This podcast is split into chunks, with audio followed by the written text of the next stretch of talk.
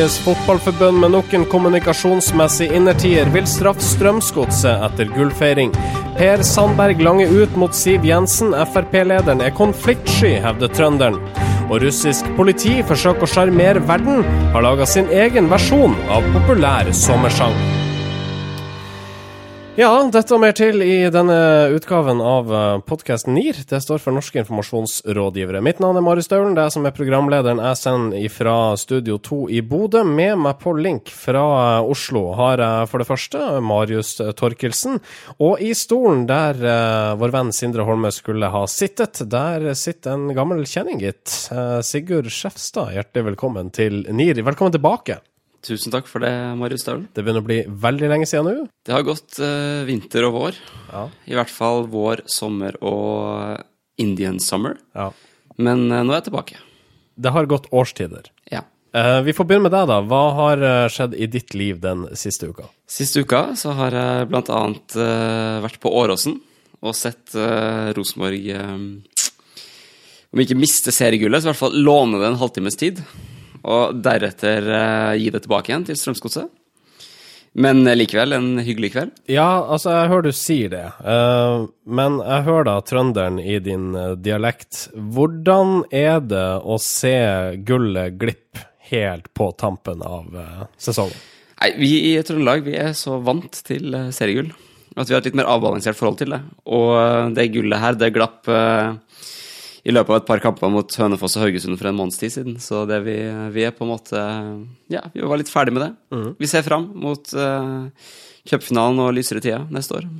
Hvilken plassering blir det til neste år, tror du? Det blir gull. Det blir det, ja. Uh, og Glimt er tilbake i Eliteserien uh, til neste år. Uh, det gleder vi oss over her i Bodø for øvrig. Fortsatt ingen hovedflystasjon? Nei. Eller vi har den enn så lenge. Men uh, den ryker etter hvert, den. Ja. Til uh, Trøndelag, selvfølgelig. Uh, og der hørte vi lyden av Marius Torkelsen. hva har skjedd i ditt liv den siste uka? Den siste uka har mitt liv i stor grad bestått av Hans Olav Lahlum Ja. og, og en, en litt nerdete nordmann i India. Jeg, jeg, trodde ikke jeg var interessert i sjakk, og så fortalte VG meg at jeg, jeg er sannsynligvis interessert i sjakk. Mhm.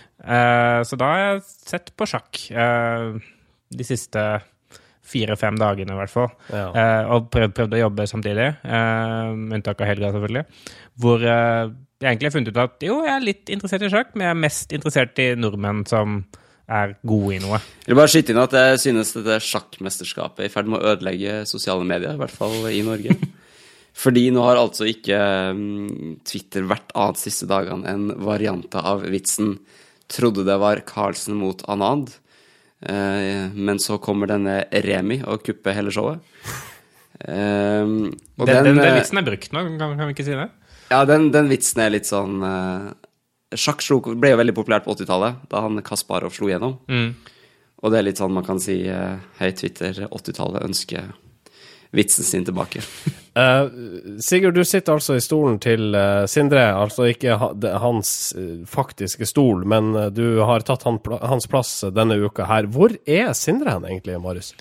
Han har vært litt mystisk. Jeg, jeg mistenker at han er på konferanse. Ja. Et eller annet sted. Et eller annet Starcom mediebyråarrangement, mm. hvor han som kreativ leder skal være kreativ jobbe i en ukonvensjonell workshop, komme fram til ukonvensjonelle løsninger eh, på ukonvensjonelle møbler. Han har uh, imidlertid uh, sendt oss ei audiodagbok med noe innspill. Du fikk det på mail her tidligere. Vi får ta en lytt da, og høre om han kan gi oss noe hint til hvor han er. Hei gutter, det er Sindre her.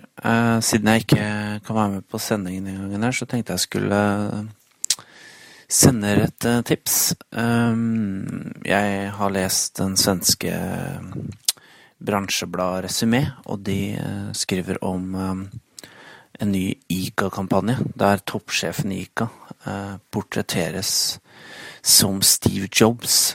Um, og det har skapt både positiv oppmerksomhet, men også noen som kritiserer det, fordi de mener at det er for tidlig å uh, gjøre narr av Steve Jobs og parodiere han. Um, så jeg tenkte hm, interessant. Er det for tidlig, eller uh, er det ikke det? Eller er det lov?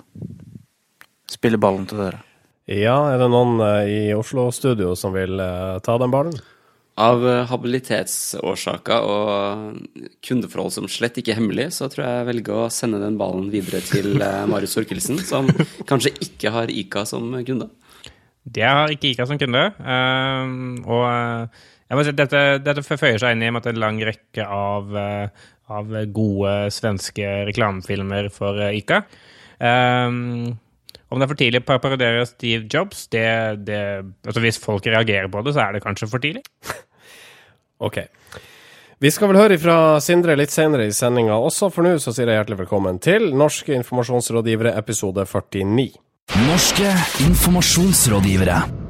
I eh, kjølvannet av Sylvi Listhaug-debatten prøver nå Hanne Røvig Skjold å ta brodden av kritikken av PR-bransjen. Skjold, som er kommunikasjonssjef i velferdsetaten i Oslo, forteller i et leserinnlegg på prprat.no, gjengitt i Aftenposten, om en helt vanlig dag i en kommunikasjonsrådgivers liv. Og den dagen virker langt fra mystisk. Ja, det er, er tydelig nå at uh, Det er litt som vi har snakka om før, da, altså dette med at Eh, alle som jobber med PR og kommunikasjon, er eh, onde eh, puppet masters som trekker i tråder og, og, påvirker folk uten at de vet det. Den eneste måten å måtte avlive den myten på, er egentlig bare å la journalistene faktisk få se hva vi gjør.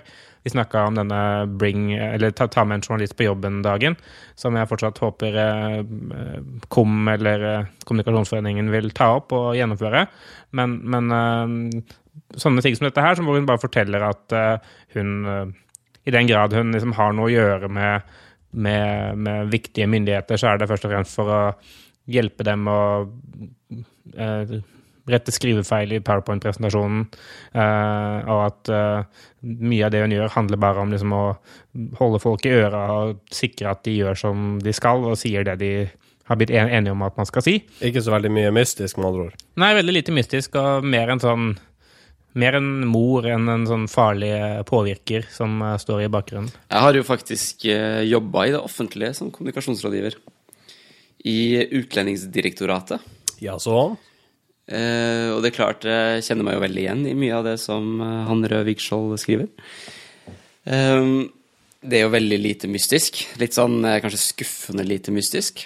Hadde du forventa mer mystikk? Ja, egentlig. Eller i hvert fall så forhåndshypen tilsa jo noe annet. Uh, men det er klart at uh, det mange sliter med å forstå, er jo hva slags hverdag du har når du møter et uh, Så stilt overfor da en, en fagetat med, med, veldig kompetente mennesker som er veldig opptatt av sitt bitte lille ekspertiseområde, og alle sine ikke minst paragrafer og vante formuleringer som av og til kan virke komplett uforståelig for allmennheten. Og så sitter du nærmest som en oversetter av dette. Og mm, ja, du føler jo kanskje at du gjør en uh, viktig jobb, og så må du bare lese i avisa at uh, ja, du nærmest er en sånn parasitt som uh, til og med prøver å gjemme deg.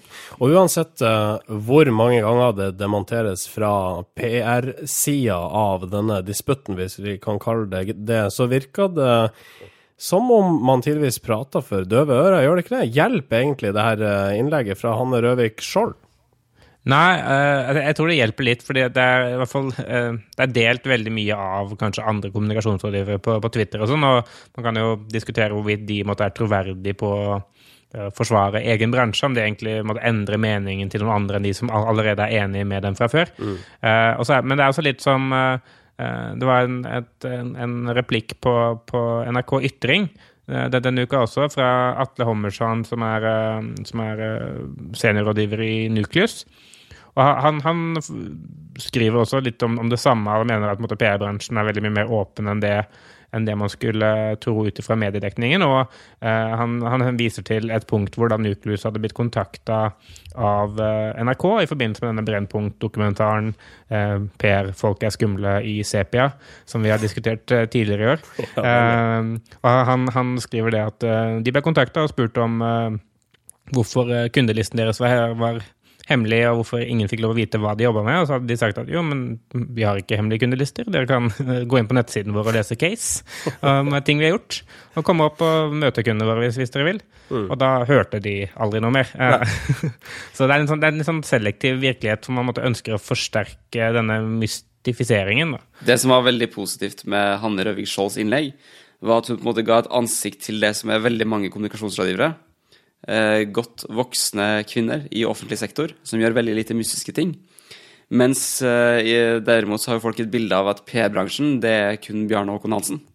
Og det blir veldig feil. Ja, for det er ikke bare Bjarne Håkon Hansen. Ja, og han, altså, han tar mye plass, det er greit, men han kan jo på en måte ikke Og han, ikke minst, han fyller jo så mange roller. Men han kan jo på en måte ikke være hele PR-bransjen. Selv ikke Bjarne Håkon Hansen har nok pondus til å være hele PR-bransjen. Ok, Uh, Hanne Røvik Skjold uh, forsøker i hvert fall å uh, nyansere denne debatten som pågår rundt PR-bransjen. Jeg føler den har pågått lenge. Uh, monner det, og jeg vil at dere skal svare med tommel opp eller tommel ned for hennes debattinnlegg. Jeg tommel opp. Dette var godt skrevet og en viktig, en viktig kall det, nyanse som trengte å komme på trykk. Tommel opp. Det var det. Jeg syns den tommelen opp eh, svarer, den, den svarer for seg selv. Det er en tommel opp. Det er jeg jo på en måte veldig for. Vi er ikke vant til å være, være så konsise. Eh, Nei, altså Hvis det er meningen at jeg skal tørrprate litt rundt den tommelen som står i været Det er helt greit. Norske informasjonsrådgivere. Vi skal straks snakke om Norges Fotballforbund, men før det så skal vi koble inn Sindre Holme, som altså har laga ei slags reisedagbok til dette programmet, da han sjøl er fraværende. Hei, dere. Jeg er Sindre her. Eh, siden jeg ikke kan være med på sending denne gangen, her, så har jeg et tips til noe dere kan snakke om. Eh, for nå er jo regjeringen så vidt liksom inn i en sånn, kommet inn i en sånn innkjøringsfase. Listhaug-saken er eh, vel tilbakelagt, i hvert fall foreløpig. Så lurer jeg på om dere kan eh, komme med en sånn kvalifisert gjetning. Hvilken statsråd er det som må gå først, og hvorfor? Og hva skal til for at Erna Solberg sparker en statsråd? Ja, hva skal til for at eh, Erna Solberg sparker en statsråd, spør vår venn eh, Sindre Holme på, fra ukjent lokasjon. Er det noen som eh, føler seg forplikta til å svare på Sindres spørsmål her? Jeg tror ikke Erna Solberg kommer til å sparke noen statsråd på ganske lenge. Um, jeg tror i hvert fall at vedkommende må reelt gjøre noe som er dumt. Ikke bare ha noe i sin fortid som eh, noen mener at eh, ikke er heldig. Fordi eh, de vurderingene er helt sikkert gjort på forhånd. Altså Det kan jo ikke ha kommet som overraskelse at eksempelvis likestillingsminister Solveig Horne, eller barne- og likestillingsminister Solveig Horne, hadde ment ting på Twitter om, eh, om ho homoeventyr for barn, som hun da så vakkert formulerte det. Men det er jo vanskelig å Man må være konsis på 140 tegn, så det, det krever jo noen spissformuleringer. Men det var på en måte ikke det som var utslagsgivende for hennes utnevnelse. Eh, derfor tror jeg heller ikke det at eh, eh, type Listhaugs lister eller Hornes homoeventyr er det som skal til for å, for å ta knekken på en statsråd. Derimot må noe, noe galt virkelig gjøres, da. Når det gjelder hvem jeg tror først kanskje må gå, så er det Vidar Helgesen. Hvem er det? Nettopp. Nettopp. Ingen vet hvem mannen er. Eh, sånn at hvis noe går galt for regjeringa som sådan, og man trenger en syndebukk, så er det jo bare å skyve Vidar Helgesen ut døra. Si vi har tatt ansvar. En statsråd har gått av, som er jo det alltid media venter på, og som man, man gir seg ikke før statsråden går av. Vidar Helgesen har i dag tatt sin hatt og gått. Eh, nå skal vi bygge Norge videre. Vi ser framover. Uten Vidar Helgesen. Til ditt svar, eller til ditt spørsmål, hvem er Vidar Helgesen? Så er jo han da statsråd ved statsministerens kontor med ansvar for europasaker. Altså en slags EU-minister ved Erna Solbergs kontor. Riktig. OK. jeg, jeg, jeg støtter opp om det. Ja, det gjør jeg også. Og da skal vi prate om Norges eh, Fotballforbund. For det er på sin plass å gratulere Strømsgodset med gull i Tippeligaen. Laget sikra seieren i siste eliteserierunde, da mot Haugesund. Og etter kampen så storma glade og fotballgale drammensere banen for å feire med laget sitt. Eh, Dette har fått Norges Fotballforbund til å reagere. Nå risikerer Strømsgodset straff for feiringa, kunne bl.a. TV 2 melde i etterkant av oppgjøret. Ja, ehm, de scenene vi så på Marienlyst, er jo noe som får ethvert ekte fotballhjerte til å dunke av glede. Selv en trønder. Fordi det å se mange, mange tusen mennesker som har venta på et seriegull i 43 år Riktignok ikke alle, for mange av dem var under 43 år, men jeg har bare hørt historien. Som aldri har opplevd et gull i sin levealder. Se laget sitt avgjøre i siste runde. Få gull. Klart, da har du lyst til å springe ut på banen, du har lyst til å juble sammen, og alle på en måte sier at yes, endelig er det litt engasjement rundt norsk eliteserie. Endelig er det litt følelser. Endelig er det noe som kan selge deg produktet og bygge den merkevaren. Og så kommer det altså da en juridisk konsulent i Fotballforbundet og sier vi har nå sendt en anmodning til Strømsgodset om å forklare seg hva som her har skjedd. Og da er det litt sånn Hvor har du vært? Har du ikke sett TV-bildene? Hva som har skjedd? Strømsgodset tok gull. Første gang på 43 år. Folk storma på banen, jubla sammen med spillerne. Det var god stemning. Pressefotografene elska det, tok mange fine bilder. Og hadde jeg vært Strømsgodset, så hadde jeg vel svart noe sånt som eh, Ja, til deres anmodning. Vi vant gull. Folk ble glade. Vi feira. Hva mer er det egentlig å si?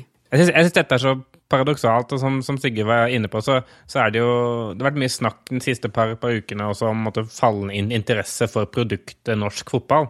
Eh, man, man sliter med TV-rettighetene, eh, man sliter med opp, oppslutning på kamper osv. osv.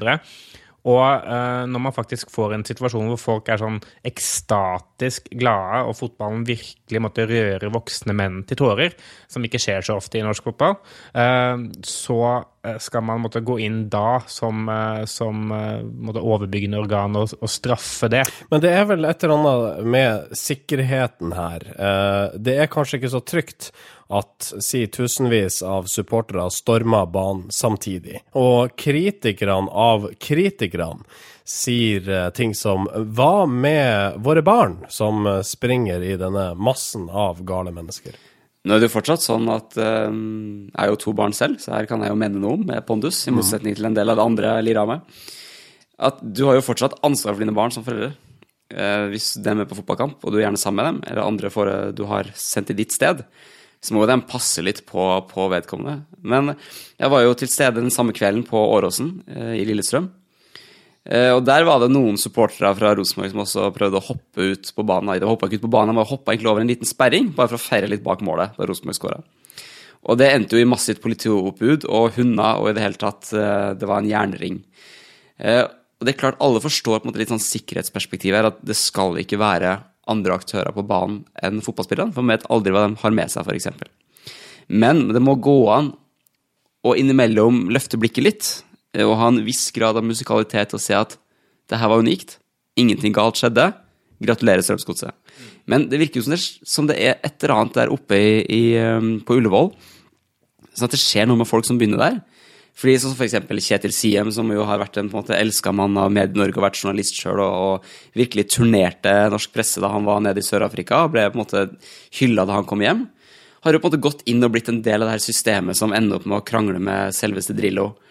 Og den, jurid, den juridiske konsulenten i Fotballforbundet, eh, som altså da har sendt eh, dette brevet, eller i hvert fall uttalt seg på TV 2, fun fact, Henrik Salveson, tidligere lokal eh, andredivisjonsspiller fra Bergen, han er i sin tid intervjua etter en fotballkamp, fordi han var faktisk ganske god. Klart, Da var han en fotballspiller, viste følelser, engasjement, bra type. Straks han kom, kommer inn i NFF-systemet, får en tittel som juridisk konsulent, så er han bare på en måte blitt en del av den gjengen der og snakker på samme måte. Så, så er det noen som virkelig kunne trengt en ordentlig kommunikasjonsrådgiver, eh, så er det kanskje Fotballforbundet. Tommel opp eller tommel ned for Norges Fotballforbund? Eh, tommel ned. tommel ned, og så ja, Hvis man hadde festa et eh, lodd til den tommelen, sånn at den da hadde blitt strukket enda lenger nedover, eh, så ville jeg på en måte vært for det også. Norske informasjonsrådgivere. Vi skal snakke om reklamebransjen. Den konservative, trege og sidrumpa reklamebransjen.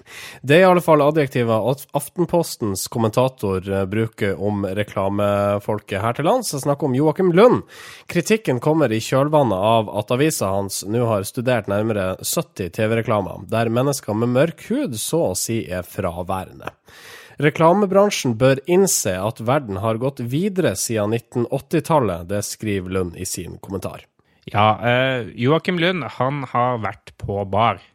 Og på denne baren så var det en, en eh, reklamebransjeansatt som eh, skrek ut i lokalet at reklame er det eneste virkelig ærlige du kan holde på med her i livet. Mens han gliste med smale øyne bak grensesprengende kule briller, skriver Lund. Og det er klart at dette eh, det er ikke noe Joakim Lund la stå uimotsagt. Eh, så han gikk hjem og granska denne bransjen som har eh, født opp slike forferdelige representanter. Og han fant det at blant annet så er bransjen bakstreverske og full av, av holdninger som visstnok ikke har endret seg siden 80-tallet. Mm. Vi har jo en representant for reklamebransjen med oss i dag, i Sigurd Skjefstad. Er dere bakstreversk? Nei. Men er det noen som på en måte virkelig ikke har skjønt at verden har gått videre siden 80-tallet, og som ikke minst kan framstå ganske ufordragelig og selvhøytidelig på bar, så er det jo Joakim Lunds kolleger i pressen. Eh, og klart det å, det å, å angripe en hel bransje her, basert på hva, hva en mann som har vært litt påseila, har lira av seg, og i tillegg en, en telling av hvem som er i TV-reklame, det er jo ganske pussig. Og nå er det jo sånn at uh, det å Når du lager reklame, så skal du jo prøve å få noe som fenger målgruppa di. Uh, du kan ikke drive og kvotere, men du skal på en måte prøve å finne riktige typer eh, ofte representative. Og da er det klart at eh, det er ikke sikkert at man treffer alltid at man burde på en måte kanskje ha vært mer representativ enn det man tror man er. Men det er klart at det vil aldri være sånn at man liksom vinne en, en, en diplom hos barne- og likestillingsministeren, eller inkluderingsministeren, ved å lage reklamefilmer. Jeg husker For, for et par uker siden så var jeg um, på denne mediekonferansen vi har snakket litt, så vidt om før, og der var det en representant fra Coca-Cola som var der. Uh, og hun, hun brukte måtte, hele sitt foredrag på å snakke om hvordan Coca-Cola har gått foran for å uh, måtte hjelpe til å integrere utskutte grupper i samfunnet. Hun viste at Coca-Cola har hatt med fargete i, i, i reklame på 50-tallet. De har prøvd å skape fred mellom Pakistan og India.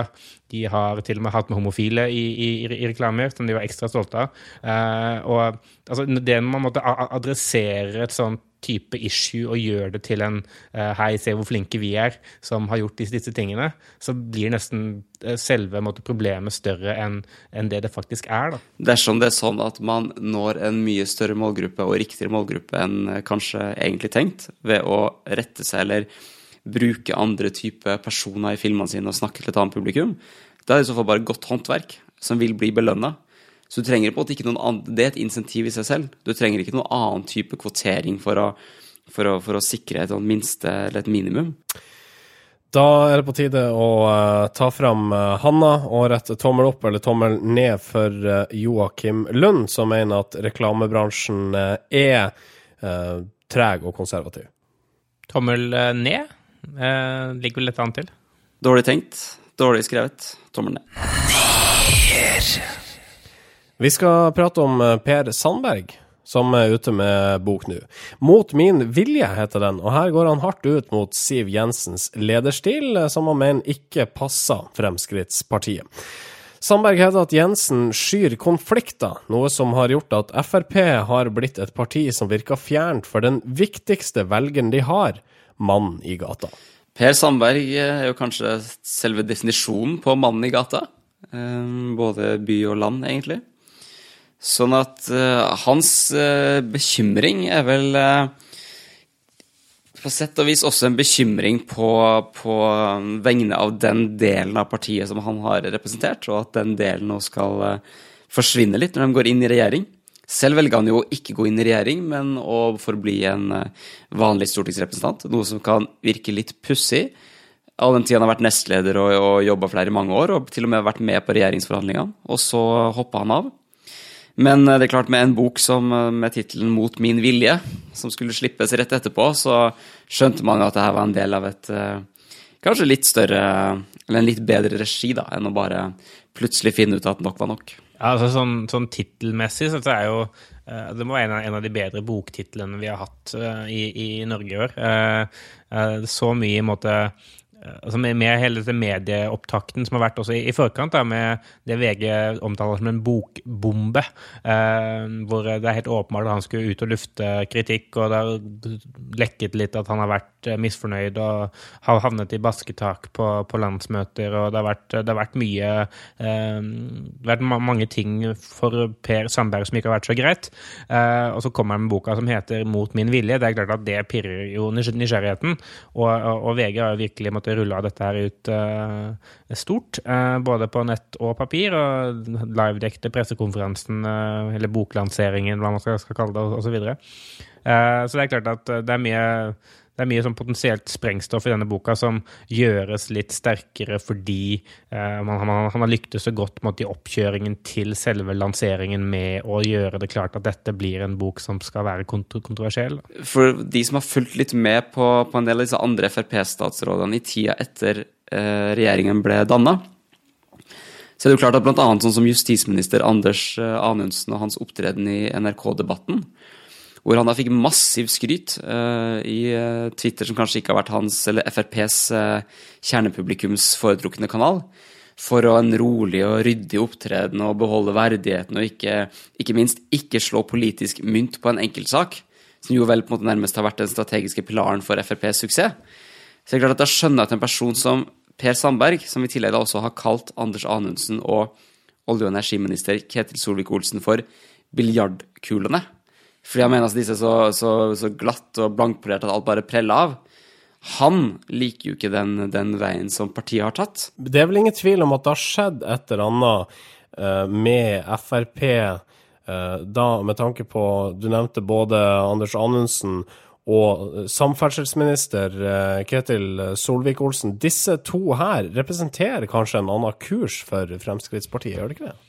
Jo, jeg husker jeg så um, på Kommunikasjonsforeningen sånn vårseminar, eller hva, hva det var for noe. Uh, i, I vår så var det en sånn et innslag med Ketil Solvik-Olsen og Fredrik Hauge fra Bellona, hvor de var på scenen samtidig for å snakke om, liksom, om, om krangel, da, og hvordan det er å krangle i mediene.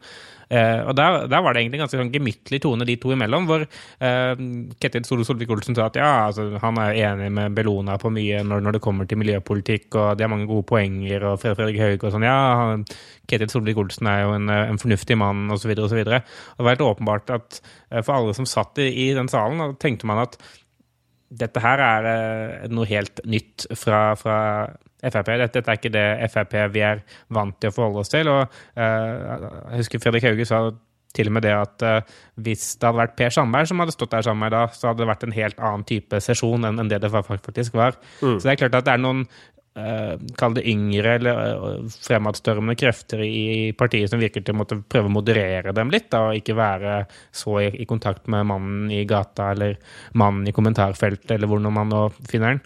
Um, og, og det, det skaper jo selvfølgelig irritasjon blant de som måtte ha vært med på å bygge dette gjennom eh, 90-tallet. Eh, hvis vi ser eh, på Per Sandbergs uh, timing her uh, Det var den vi egentlig skulle diskutere. Han skal altså lansere ei bok mot min vilje. Eh, han kunne vel knapt ha gjort det på et bedre tidspunkt. Det er helt umulig. Eh, han må jo ha hatt en særdeles dyktig og mystisk PR-rådgiver som har eh, lagt dette løpet for ham. Ja. I forhold til å både med tanke på eh, valg av tittel, og ikke minst eh, lanseringstidspunkt. Det kan jo være Arve Juritzen selv, forleggeren, som har hatt en finger med i spillet. Og noen har nok også kanskje hatt en finger eller to med på tastaturet. Hva Skal vi gi eh, tommel opp eller tommel ned for Per Sandberg? Er det det vi Jeg vet ikke helt hva vi er det dit vi skal? Jeg hadde ikke helt sett for meg at jeg skulle havne i den situasjonen. Nei. Eh, men jeg kan, kan gi tommel opp for eh, god timing, eh, godt medieløp i forkant, og kanskje en av årets eh, julegavebøker. Ja. Sigurd? Skal, skal du gi ut en bok og du, s- over eh, ditt politiske liv, og du skal i tillegg markere en uenighet med, med dagens retning for et parti du åpenbart har, eh, er veldig glad i, så er jo timingen perfekt. Og det går jo ikke an å gjøre noe annet enn å, enn å rette tommelen i været for det. Og så får den tommelen være tydelig på at den gjelder akkurat det du spurte om, og kanskje ikke så mange andre ting. Norske informasjonsrådgivere. Vi skal prate om pressestøtten, for regjeringa foreslår i sitt nye statsbudsjett å kutte denne, altså den direkte støtten, som i dag bl.a. går til Dagsavisen og Vårt Land, såkalte meningsbærende aviser, samt disse nummer to-avisene i eh, noen eh, byer. Eh, kuttet på 50 millioner kroner. Regjeringa mener dette her vil gi avisene insentiv til å ta del i en mer dynamisk eh, mediehverdag. Argumentet mot kuttet er at disse meningsbærende avisene eh, som får denne støtten i dag, allerede sliter og vil få ytterligere problemer ved dette kuttet. Og nå tar et gjeng med PR-rådgivere denne debatten på NRK Ytring, deriblant du, rådgiver i Los Co, Sigurd Skjevstad. Det stemmer. Først må jeg bare si det var en glitrende oppsummering av et ganske komplisert eh, emne. Tusen hjertelig takk. Um, jo, vi fikk jo faktisk tilnavnet The Fabulous Eight i kjølvannet av dette innlegget. Så bare det gjorde jo at det var verdt det. Eh, men det er klart, det var en, det var en gruppe da, um, såkalte PR-rådgivere og andre, uh, som hadde et innlegg om pressestøtten noen dager før regjeringa kom med sitt forslag. Uh, det handla mest egentlig om at um, det å kutte i pressestøtten er antageligvis helt nødvendig. eh, I den forstand at eh, for mange har brukt litt for lang tid eh, uten å tilpasse seg endringer i markedet ved å lene seg på støtten. Problemet er at hvis du kutter for mye av den direkte støtta for fort, så vil det gå utover da, særlig som du nevnte, meningsbærende aviser og en del store nummer to-aviser, som er viktige for måte, det mediemangfoldet som i hvert fall har vært et, politisk, et bredt politisk ønske gjennom mange år. Eh, type da Dagsavisen, Vårt Land, Nasjon osv., som representerer grupper som kanskje ikke har så lett for å komme til orde mange andre steder. Tallet det er snakk om, er jo 50 millioner. Det er da fem- 50 millioner sammenligna med det eh, den rød-grønne regjeringen hadde foreslått i sitt eh, statsbudsjett. Så altså, den, det reelle kuttet, er vel 26 millioner eller noe sånt. Og eh, med tanke på da antall årsverk som måtte pressestøtten er med på å opprettholde, da, så, så virker det som en ganske liten pris å betale for liksom, å holde folk i jobb. Det må være dyrere måte, det å ha masse journalister vandrende rundt i gatene eh, eh, enn en å, en å måtte betale disse avisene litt for å klare å holde hodet over vannet. Eh, så, så det virker som et litt sånn rart regnestykke, men det er sikkert folk som er mye bedre i samfunnsøkonomi enn det jeg er, som har sett på dette. Når det er sier, så er det jo også det med Hvis det faktisk er sånn at dette her er en form for kall det sovepute for eh, aviser som ikke ønsker å bli digitale, eller ikke ønsker å endre seg, så, så er det jo et, sikk- sikkert et riktig grep, men, men da bør man så i så fall kanskje gjøre det sammen med en annen form for sånn insentivordning som eh, måtte bidra for aviser som gidder eller klarer å gjøre denne en endringen som er helt åpenbart måtte, trengs. da. Når det er sagt, så er det også veldig sjarmerende at eh, åtte PR-relaterte mennesker eh, eh, skriver et innlegg til støtte for journalistene. Ja, hvordan gikk det til egentlig, Skjefstad? Det var, vi, I motsetning til det mange journalister tror, så følger vi jo litt med på det, på det samfunnet vi, vi, vi ofte jobber opp mot. Da. Og, og visste at det var allerede varsla at det kom til å komme en ny mediepolitikk. Det kom til å komme et budsjett, det visste vi. Det var på en måte et godt tidspunkt for å mene. Og vi fikk jo til og med også kritikk for at vi valgte å mene om dette på et tidspunkt hvor eh, Listhaug-saken hadde begynt å, begynt å bevege seg for alvor. Men det er klart at mens store deler av Listhaug-saken var en ikke-debatt, som i hvert fall fikk altfor store dimensjoner, så var jo der et forsøk på å mene noe om noe vi reelt sett mente var viktig, og på et riktig tidspunkt, som, som dessverre ikke alle forsto.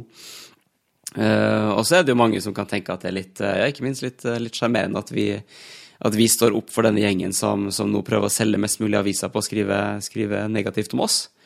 Eh, Og det sier jo litt om den symbiosen vi alle er en del av, sånn at vi, vi, vi må jo generere oppmerksomhet eh, om hverandre. Når det er sagt, så, så er det faktisk et, et viktig argument som, som har blitt litt borte fra den debatten, og som var med i innlegget. Og det er at det å gå over digitalt For det første så krever det ganske store økonomiske muskler, og det kan ikke gjøres over natta. Men i tillegg så er det ganske mange store lesegrupper i dag som ikke er så mye på nett. Særlig da disse godt voksne blant oss og eldre. Som gjør at hvis en avis bare kutter, kutter papirutgavene og går på nett, så er det mange som ikke lenger får tilgang til den informasjonen du kan mene at det kan være viktig at de bør ha for å måte delta i, i et demokrati, og for at pressen skal oppfylle sine kall det demokratiske plikter. da. Så det er potensielt et demokratisk problem at pressestøtten kuttes? Ja, jeg jeg leste et eller annet sted at eh, den gjennomsnittlige, typiske avisleser, eh, gjennomsnittsalderen på han eller henne øker med ett år i året. Som betyr at de sakte, men sikkert vel egentlig dør ut. Eh, men inntil eh, men vi måtte kommer dit, da, at alle, nå er de vel eh, 40 et eller annet. Eh, så vi har i hvert fall kanskje 40 år igjen med avislesere, og, og, eller papirlesere. Og eh, inntil den tid kommer, så må man jo prøve å tilby dem et eller annet, så de også får lov å delta i samfunnsdebatten. Nå vil nok også ikke-avislesere eldes i snitt ett år i året. Og dø ut. Um, Det er, det er ikke vitenskapelig bevisst. eh, nei. I hvert fall ikke av Tennis Gallup. Til slutt så er det ingen som leser aviser. Alle er døde. Ja. Det var som han som sa, om 100 år er allting glemt. Ikke gjør dette. Vi skal snakke om omdømmepop, eh, noe vi også har omtalt i dette programmet tidligere. Disse låtene som ordførere, fotballag, offentlige institusjoner eh, og togansatte lager for å skape litt god stemning, både internt og eksternt. Men som ofte så blir det bare flaut, eh, og det er dessverre også tilfellet for det russiske politiet som forsøker å sjarmere offentligheten med sin egen versjon av Daft Punk-låta Get Lucky. Ja. Eh, litt sånn bakhistorie så er det jo Det har vært litt sånn eh, en del negative oppslag rundt eh, det russiske politiet, da, kanskje spesielt sikkerhetspolitiet, som har eh, trakassert eh, utenlandsk presse som har prøvd å lage kritiske saker om oppkjøringen til eh, vinter-OL i Sotsji eh, i februar neste år. Og, og litt for å bøte på alt dette her, så har de tenkt vi trenger en viral hit. Eh, vi trenger omdømmepop. Eh, og som tenkt så gjort, så har altså da en, eh, en gjeng staute russiske politioffiserer i, i prangende uniformer stilt seg opp og sunget, danset og flørtet med kamera til Daft Punks Get Lucky. Og det er faktisk så mislykket som det høres ut som. Ja.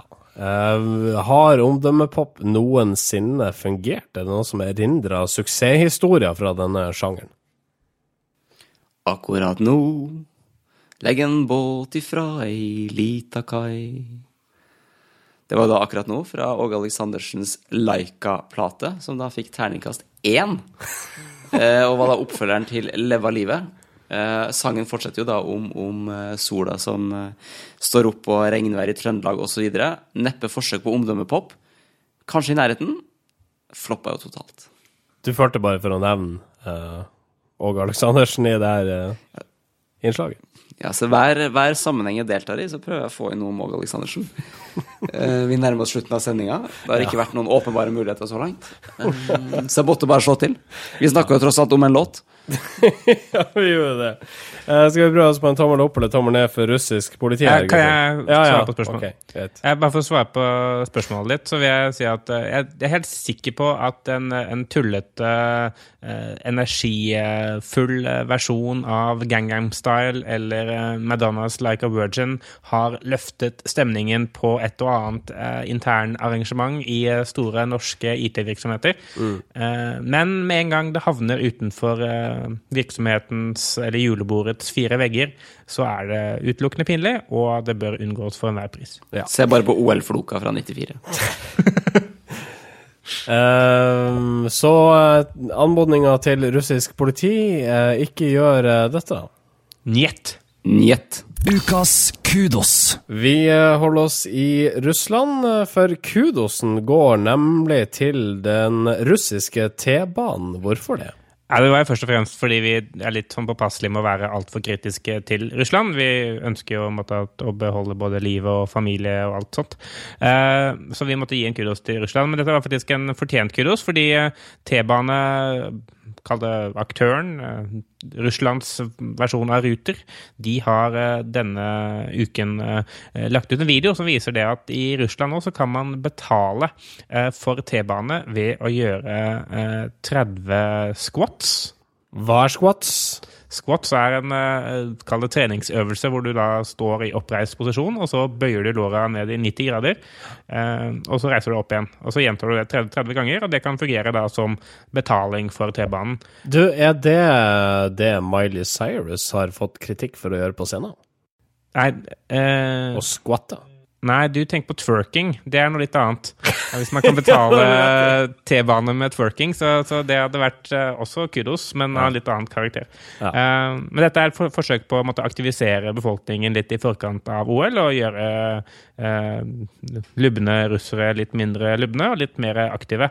Og jeg syns det, et- det er et fint initiativ. Det er et veldig enkelt initiativ, og, og det er, det er sannsynligvis noe som vil måte fungere godt. Helt enig. Uh, initiativet i seg selv uh, er antakeligvis kanskje ikke så enkelt, fordi det er jo den, uh, det er derimot veldig enkelt å utføre for, uh, for disse passasjerene. Og det kjennetegner jo alltid gode ideer, at det er enkelt for folk å gjøre det, og utføre det. I tillegg må jeg jo si at produksjonen eh, av denne videoen som er lagt ut, eh, er jo også veldig god. Og går jo veldig langt utenpå produksjonen av denne omdømme-pop-videoen. Eh, Sånn at eh, det russiske politiet bør lære mer av det russiske T-banesystemet. Mindre politi, eh, mer forflytning.